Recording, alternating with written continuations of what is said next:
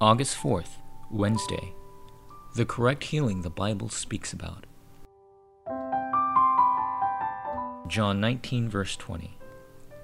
Many of the Jews read this sign, for the place where Jesus was crucified was near the city, and the sign was written in Aramaic, Latin, and Greek. Many people have fallen into religions and idol worship. However, there are very few people who know what kind of results follows this lifestyle.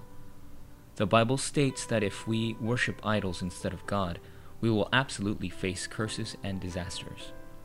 Coming out of this and entering into the blessing of God is what we call the gospel.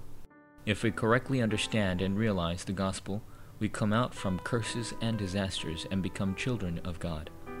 However, all of us who once lived in religious living and the culture of idolatry need the healing that makes us anew in the gospel. Because of this, the ministry of healing is a very important evangelism movement. If this is the case, what is correct healing? Number 1. Fundamental healing. Christ has finished everything. This means that Christ has finished all problems on the cross, and that he has completely finished all our problems. For us who have received salvation, it is not about diligently trying to do something in order to solve our problems already. Christ has solved our problems. Although we have many problems and concerns, there is no need to worry. Christ has already completely finished all our problems. When we believe in this fact, the forces of darkness in our midst depart. When we confess this fact with faith, fundamental healing begins.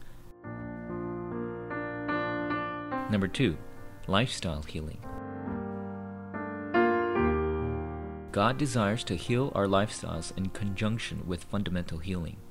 If we just slightly put into action daily scheduled prayer, scheduled studies, and scheduled exercise, all aspects of our lifestyle that have crumbled get restored.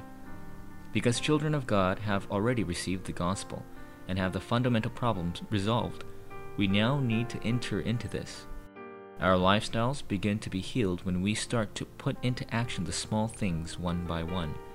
The small things we put into action are very important.